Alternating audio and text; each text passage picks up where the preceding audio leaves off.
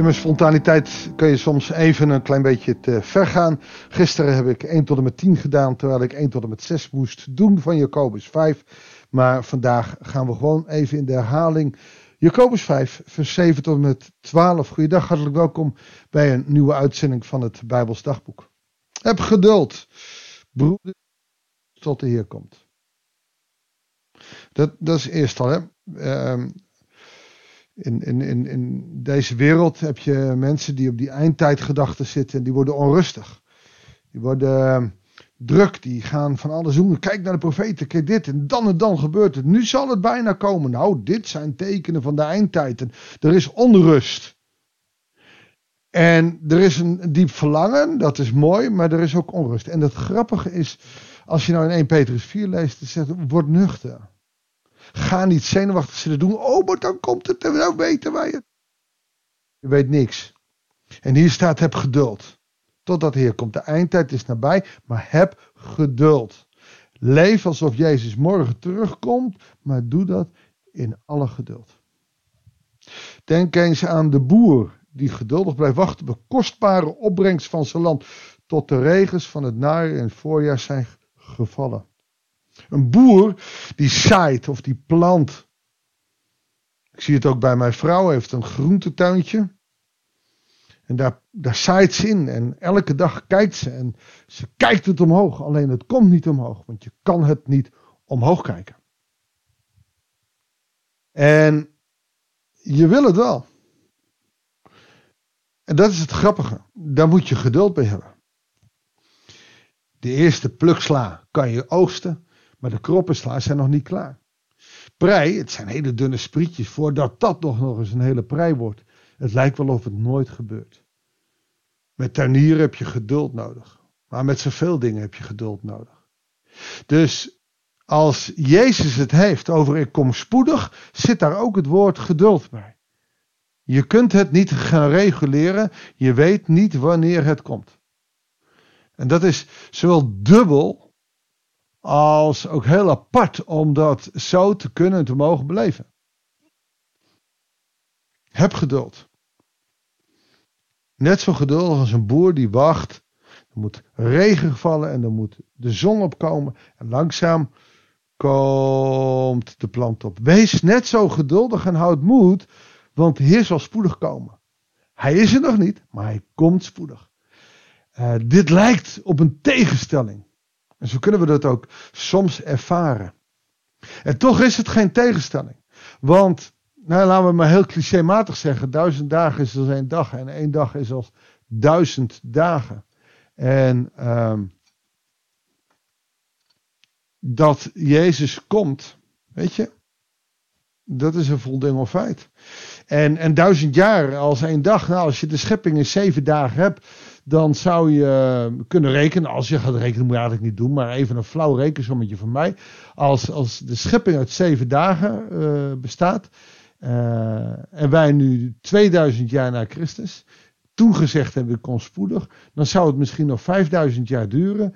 Uh, dat hij terugkomt. Maar als je vanaf het begin de schepping rekent, dan zitten we al op zo'n 7000 jaar en dan kan het weer spoedig komen. Zo zie je maar, het blijft speculeren. Word nou maar geduldig. Houd moed, want de Heer zal spoedig komen. Wat je alleen kan gaan doen in de tussentijd is op een verkeerde manier met elkaar omgaan. En dat zei laatst gisteren al, klaag niet over elkaar, broeders en zusters. Want daarmee roep je het oordeel over je af. Auw, deze doet zeer. Klaag niet over elkaar, broeders en zusters. Want daarmee roep je een oordeel over jezelf af. Nou, ik kan eerlijk zeggen dat ik nog wel eens uh, mensen tegenkom in de gemeente en denk: oh man, moet het nou zo? En dan klaag ik over mensen.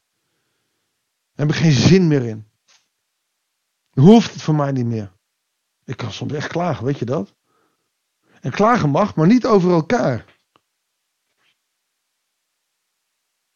Klaag niet over elkaar. Dit gaat over anderen. Dit heeft ook met roddelen te maken. Roddel niet over elkaar. Nou, die overbuurman van mij. Nou, jongen, altijd met zijn auto op mijn plekje. En wat zit hij daar? En uh, ik mag toch wel tegenover mijn huis staan. Nou, voorbeeld wat ik nu voor me zie, want ik kijk naar buiten vanuit uh, de opname van deze podcast. We kunnen klagen over de kleinste dingen. De buurman houdt zijn tuin niet bij, er staat onkruid, dan komt het ook in mijn tuin. Weet je, dat zijn allerlei dingen waarover je kan klagen en weeklagen. En dat moet je niet doen. Want je roept ermee het oordeel over jezelf. Bedenk dat de rechter voor de deur staat. En dat is God. En jij klaagt over de buren. Dan zal die klacht op jou afgelegd worden. Neem een voorbeeld aan het geduldig lijden van de profeten. Die in de naam van de Heer spraken. Ik zei het gisteren al. Er zijn honderden vermoord. En toch bleven ze geduldig van de Heer spreken. Degene die stand hielden, prijzen we gelukkig. We hebben gehoord hoe standvastig Job was. Hier wordt gerelateerd aan het boek Job. En u weet welke uitkomst de Heer gaf. De Heer is immers liefdevol en barmhartig. Dat is van enorm groot belang. De Heer is immers liefdevol. Vol liefde, agapeo. Dat is gevende liefde. Dat is niet zomaar ik hou van jullie hoor. Moet je goed je best doen, ik hou van je. Nee, ik heb alles voor je over. Daarom kan God dan ook zijn zoon aan het kruis nagelen, omdat hij van ons houdt. Dat is liefde. Of je het nou wil of niet, dat is pure liefde. Bam.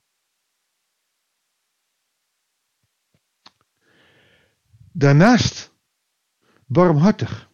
Barmhartig is een prachtig mooi woord. In het Oude Testament heeft dat dezelfde stam als het woord voor baarmoeder. De vrouwelijke hè, eh, onderdeel van het lichaam wat mannen niet hebben. Baarmoeder. Een baarmoeder is de meest veilige plek voor een kind. Zelfs als de vrouw een ongeluk krijgt, bij wijze van spreken, dan, dan bestaat de kans zeer groot dat het kind overleeft. Waarom? Omdat die baarmoeder, daar zit het kind, daar zit, een dik vlies omheen, daar zit, uh, daar zit vocht in, het kind dat hotst en klotst misschien, maar het zit in een veilige omgeving.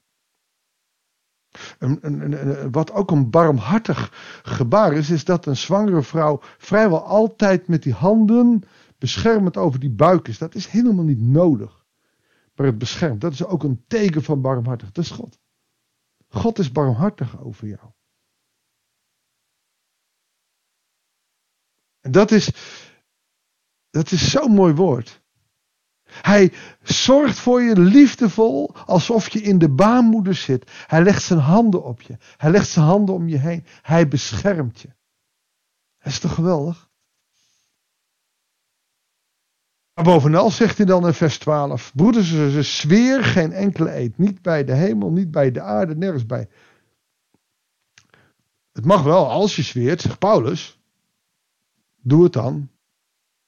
Niet verkeerde manier, maar op een goede manier. Jacobus zegt, dat moet, doe dat nou maar niet. Want je weet niet half wat je zweert. Wat je zweert met de hand op de Bijbel. Nou, alsof jij die Bijbel kan verantwoorden met het, uh, zweer je op mijn moeders graf. Doe dat niet. Ga niet over mensenlevens heen. Nee, doe het helemaal niet. Maar heel nuchter, dan kom je bij dat geduld en die nuchterheid. Laat u ja en ja zijn en u nee en nee. Want dat zei Jezus al.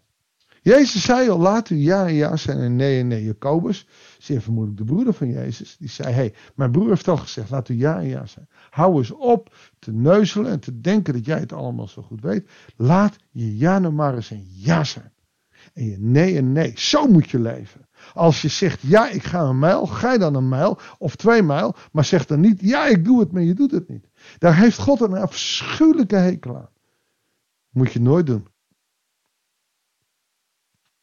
Anders, anders zul je veroordeeld worden. Als je ja zegt en nee doet. Nou, dat zie je dus in het Nieuwe Testament. Nog één keer een sterk veroordeling. Namens, uh, namelijk over Ananias en Safira. En Ananias en Safira zeiden: Ja, we geven alles wat we hebben voor de Heer. Maar ze verstopten een deel. Want ja, je weet maar niet. En straks is het niet echt. Of toch een beetje voor onszelf houden. Als zij gezegd hadden, wij geven 50% van alles wat we hebben uh, voor de Heer en de rest houden we zelf, hadden ze niet gestorven. Maar ze zeiden, hier, dit is alles. En ze stonden glashard te liegen waar de Heer bij stond. Dat is verdrietig. Laat je ja en ja zijn. Als je zegt, ik geef alles, dan geef je ook alles. Als je zegt, ik geef 50%, dan geef je 50%. Als je zegt ik geef 2%, dan geef je 2%. Als je zegt ik geef 5 cent, dan geef je 5 cent. Als je zegt ik geef 100 euro, dan geef je 100 euro. Laat je linkerhand niet weten wat je rechterhand geeft. Ga er niet prat op. Ga niet zeggen, oh dat heb ik allemaal gedaan, wat ben ik goed en wat geweldig. Nee. Maar laat u ja en ja zijn en nee en nee. Wees helder en wees duidelijk over alles wat je wil, zal en moet doen. Dat is de tekst voor vandaag. Ik zie dat ik alweer over de tijd in ben. Heerlijk. Ik ga erin op. Ik heb een nieuwe methode. Koptelefoon met een andere microfoon. Dus ik hoop dat de kwaliteit goed is. En ik loop nu door mijn kamer. Dus ik hoop dat ik het de komende dagen ook gewoon uh, op de uh, eh, 10 minuten kan houden. Maar laat me vooral nu nog met je bidden. Heere God, u vraagt van ons onze ja en ja te laten zijn. En onze nee en nee. En dat willen we graag doen, Heere God, maar het is wel eens moeilijk. Leer ons door de kracht van uw geest na te denken wanneer we ja zeggen. En na te denken wanneer we nee zeggen. Niet te primair, niet te lang over nadenken, maar onze roeping te verstaan. In ons leven uw wil te volgen, ook als het via andere wegen gaat, als er een beroep op ons wordt gedaan. Als we nee zeggen, laat het ook een nee zijn. En als het een ja is, Heere God, help ons dan om het ja te doen. Dat we eerlijke, oprechte mensen zijn. Die geduldig zijn omdat u gaat komen, maar wel klaarstaan. Omdat het eind der tijden nabij is. Heer, leer ons zo te geloven. Dat bidden we u. In Jezus' naam. Amen. Dankjewel voor het luisteren. Ik wens je God zegen en heel graag tot de volgende uitzending van het Bijbelsdagboek.